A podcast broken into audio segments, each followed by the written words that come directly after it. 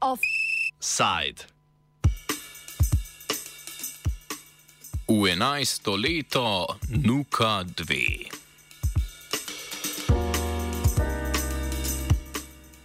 V današnjem offsajdu o projektu, ki je v prepovedanem položaju že vsaj desetletje. Predsednik vlade Robert Golop in ministr za izobraževanje, znanost in šport Igor Papič sta napovedala začetek gradnje nove stavbe Narodne in univerzitetne knjižnice. Zagotovila sta, da bodo z gradno projekta v vrednosti 102 milijona evrov pričeli prihodnje leto. NUK 2 naj bi končali do leta 2026. V preteklem tednu so vplačali 1,6 milijona evrov komunalnega prispevka, gradbenega dovoljenja še nimajo. Pridobili naj bi ga še v decembru. Sicer pa zgodovina Nuka 2 sega že v 80. leta, v 80. leta preteklega stoletja. Takrat je bil izveden prvi natečaj za njegovo izgradnjo, a ta ni bil realiziran. Leta 2012 je bila na mednarodnem natečaju za projekt izbrana rešitev biroja Belk Perovič Arhitekti. Od zmage na razpisu pa do leta 2019 je po besedah arhitekta Matije Belka projekt nekoliko zastal. V letu 2019 so začeli s posodobitvami do danes, ko je bil komunalni prispevek končno plačan. Še vedno je treba izbrati gradbenega izvajalca, za kar bo razpis predvidoma odprt v drugi polovici prihodnjega leta. Predtem pa še končati arheološke raziskave in projektno dokumentacijo.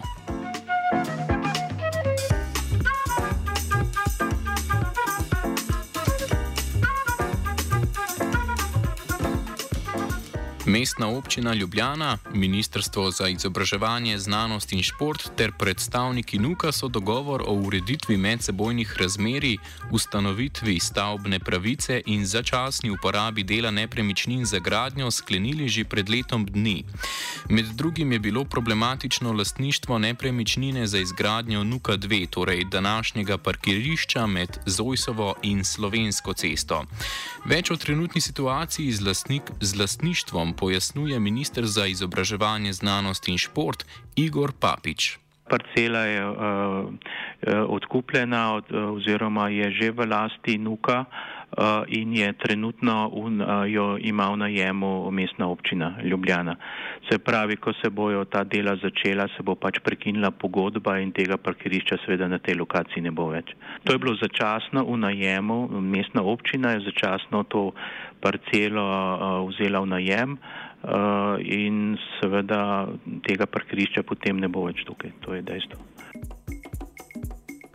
Kakšne so bile omejitve projekta in zakaj je sklep o izgradnji Nuka 2 potreboval dobra štiri desetletja, povzema Žiga Cerkvenik iz Narodne in univerzitetne knjižnice. Ne, zdaj, v zadnjih letih smo zelo veliko dela naredili na, na eni strani na programskih uh, izhodiščih, na drugi strani pa tudi na tem reševanju nekih, bomo rekel, čist formalnih uh, zapletov, ovir, ki so se pač pojavljale.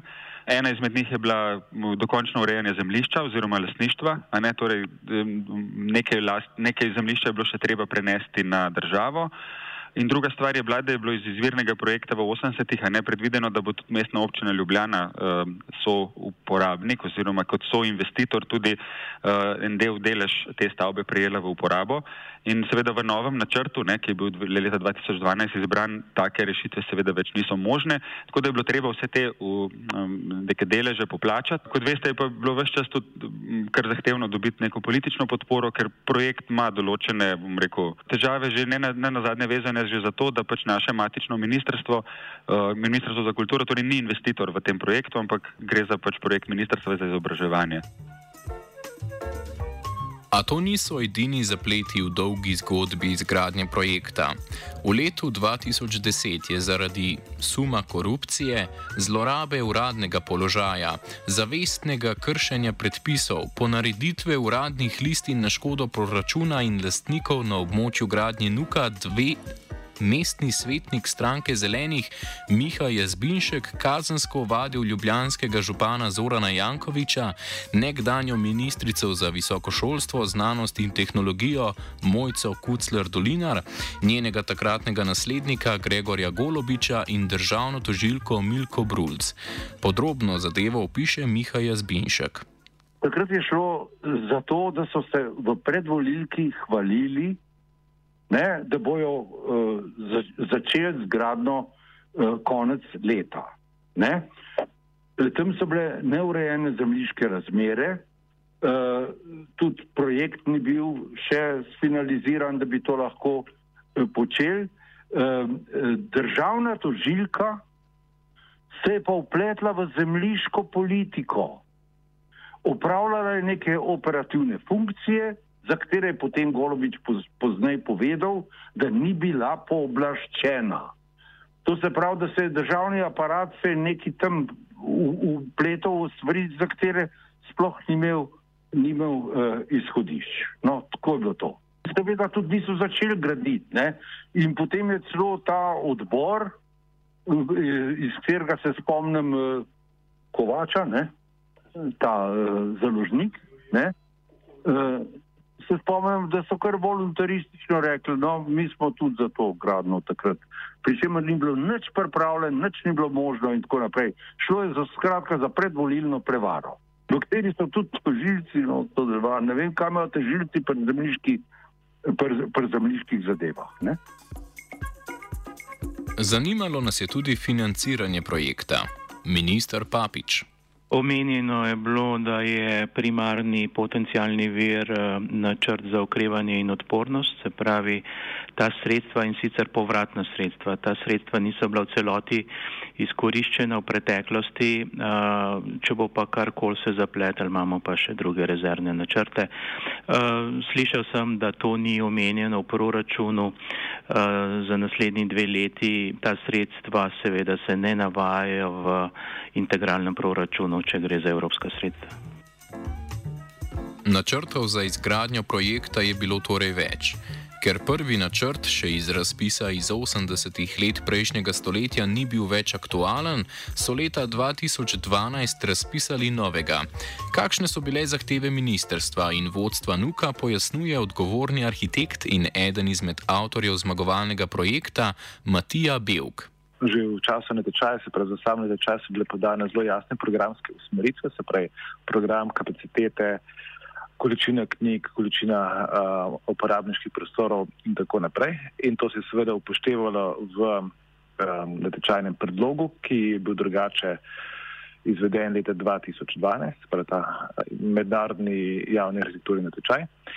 Se je pa potem na tem uh, tudi seveda predvsem delalo na tem programu in no, leta 2019, ko je prišlo do obnove, v bistvu ponovnega začetka dela na projektu, se je tudi še enkrat programsko prenovilo celotno sliko in se je v bistvu povečalo število uporabniških mest. Recimo tako je šlo iz knjižnice, so se omaknili skladišča, ki dejansko niso potrebna za tem mestu, skladišča so v BTC-ju in se je povečalo število uporabniških, tako in študijskih mest, kar je v bistvu tista stvar, ki je najbolj pomembna, za če se dela knjižnica. Drugače je uh, predvideno 1400 uh, uporabniških študijskih mest, pa tudi precej javnega programa v pritličju, kot recimo kavarna, ena, ena večja dvorana za, za, za različne dogodke, učne sobe, makerspace um, uh, in različni, različni programi, ki v bistvu so del uh, sodobne knjižnične zasnove.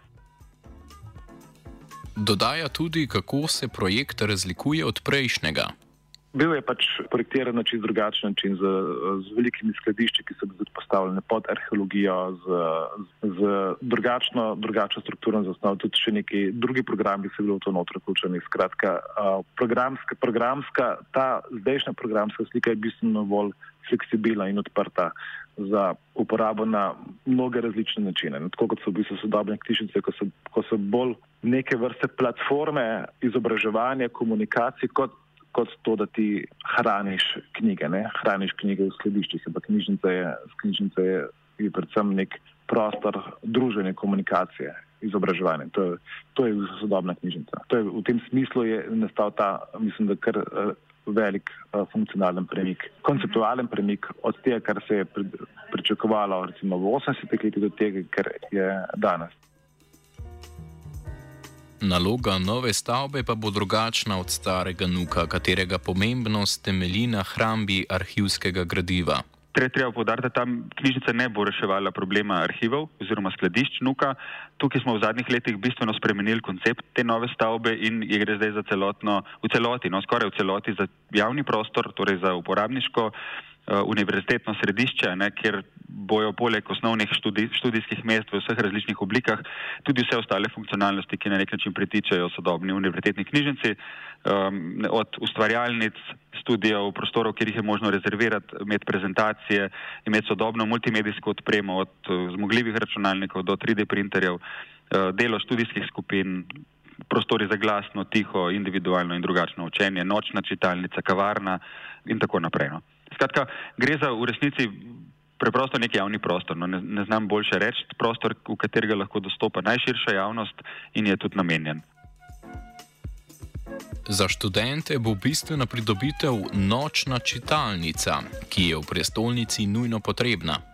Mi imamo tukaj veliko težavo organizirati recimo nočni študij ali kaj takega, ker je spomeniško zaščitena stavba, v kateri mora biti predvsej več kot en človek, da lahko obratuje. Ne, ne moramo pustiti, da grejo mokri plašči, dežniki in tako naprej v čitalnico, po drugi strani mora biti varnostni, hkrati nekdo vse čas prisoten.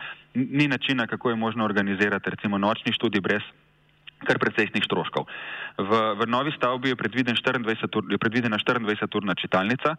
Poleg teh osnovnih um, uh, kapacitet no, v sami stavbi bo v sosednji hiši, no, ki je tudi predvidena kot del knjižnice, organiziran torej 24-urni tudi, kjer lahko uporabnik pride, se s kartico logira in potem uporablja brez prisotnosti nekoga drugega in je v tem smislu popolnoma neodvisen. Ne. Morda bo dolgoletni projekt izgradnje nove stavbe Narodne univerzitetne knjižnice tako vendarle dobil svoj epilog. A, torej, še ni imel nobenega epiloga, oziroma niste dobili še nobenega? Ne, dajte nam bir, a, a vi mislite, da se, da se uh, v Sloveniji dogajajo epilogi? Offside je pripravila vajenka Zala, mentorirala je Tija.